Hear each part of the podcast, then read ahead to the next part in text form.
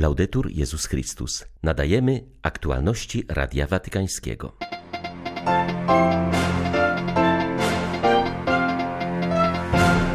Papież popiera Ukraińców w ich sprawiedliwej walce, powiedział po audiencji w Watykanie czeski premier Peter Fiala. Reforma kurii rzymskiej objęła również Urząd Dobroczynności Apostolskiej. Papież chciał pokazać, że dla niego posługa miłosierdzia jest jedną z najważniejszych, mówi kardynał Konrad Krajewski.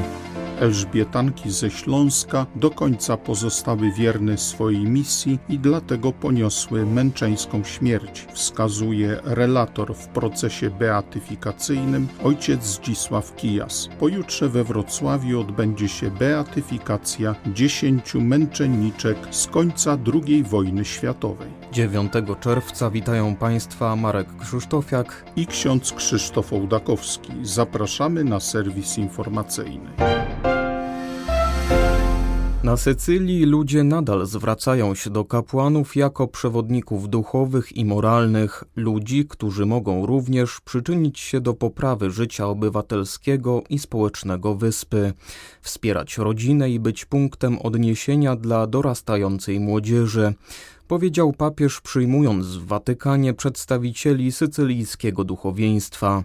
Oczekiwania Sycylijczyków wobec kapłanów są wysokie i wymagające, podkreślił papież. Nawiązał on do trudnej sytuacji społecznej, która na Sycylii od lat wykazuje wyraźny regres. Dobitnym tego przejawem jest wyludnianie się wyspy, spowodowane zarówno spadkiem liczby urodzeń, jak i masową emigracją młodych ludzi. Jeśli więc w odczuciach mieszkańców Sycylii przeważa gorycz i rozczarowanie z powodu odległości, jaka dzieli ich od bogatszych i lepiej rozwiniętych obszarów kraju i Europy, to tym bardziej my, duszpasterze, jesteśmy wezwani do tego, aby w pełni zaangażować się w życie tego ludu. Nie zapominajmy o prorokach Izraela, którzy pozostali wierni ludowi ze względu na wierność Boga w przymierzu i poszli za nim na wygnanie. Trwać, być blisko. Oto do czego jesteśmy wezwani. Bliskość, współczucie i czułość. To jest styl Boga. I to jest także styl duszpasterza. Na zakończenie spotkania z sycylijskim duchowieństwem papież w spontanicznych słowach po raz kolejny przestrzegł kapłanów przed plagą plotek. Zaapelował też do nich, aby dbali o pobożność ludową i właściwe sprawowanie liturgii.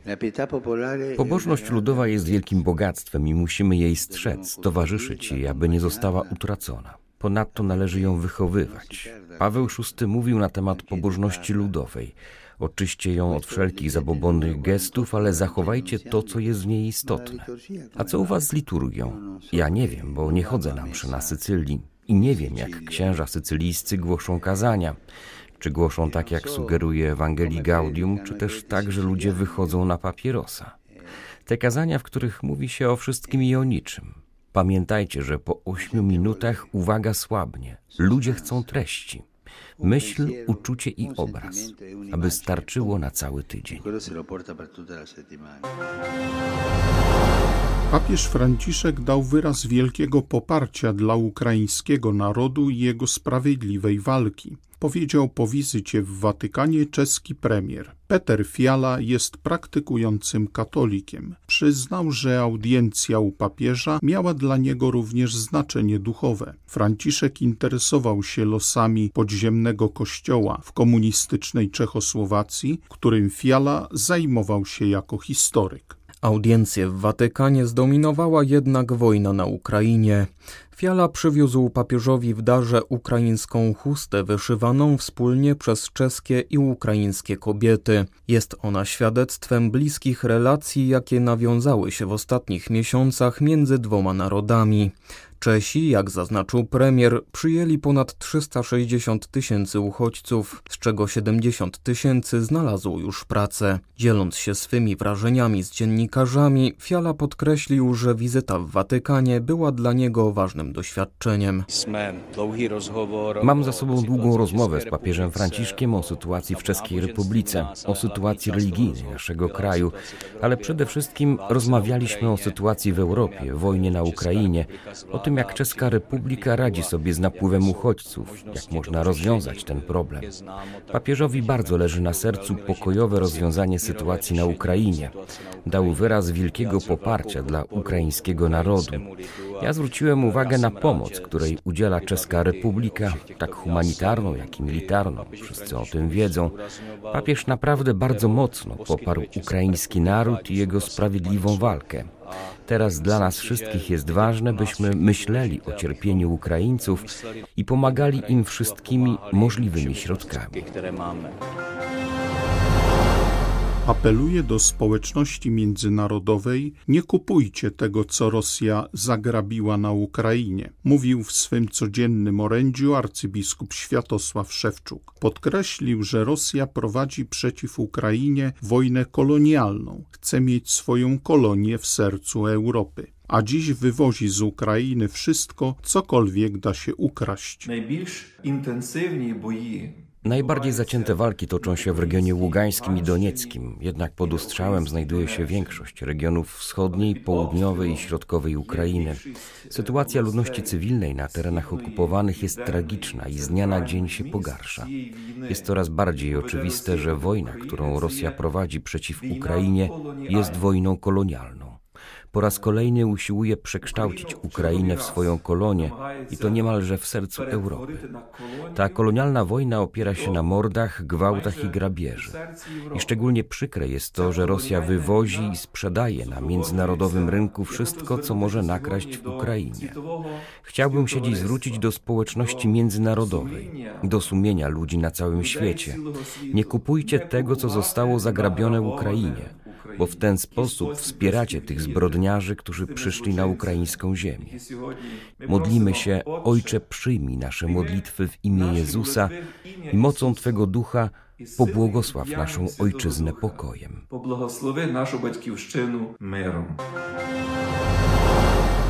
Kardynał Konrad Krajewski zaznacza, że po wejściu w życie Konstytucji Apostolskiej Predicate Evangelium Urząd Dobroczynności zachowuje swoją nazwę. Natomiast dokument przewiduje, że staje się on dykasterią do spraw posługi miłosierdzia, czyli swego rodzaju ministerstwem podlegającym bezpośrednio papieżowi i zmienia się jego pozycja w ramach kurii rzymskiej. Jałmużnik papieski w rozmowie z Radiem Watykańskim zauważył, że choć jego urząd istnieje już od XII wieku, to od niedzieli zesłania Ducha Świętego zmieniło się bardzo dużo, a paradoksalnie jednocześnie niewiele. Papież kiedyś mówił w ten sposób, że ma dwa ramiona. Jedno ramię, ramię miłosierdzia. Drugie ramię to jest ramię wiary. Te dwa dykasteria powinny być na samym początku, zaraz po dykasterii do spraw ewangelizacji, czyli misyjności też Kościoła. Zmienia się tylko to, że zakres jest papież podkreślił w Konstytucji, że dotyczy to całego świata, że reprezentujemy jego bliskość wobec ludzi pokrzywdzonych, ubogich, tam tam gdzie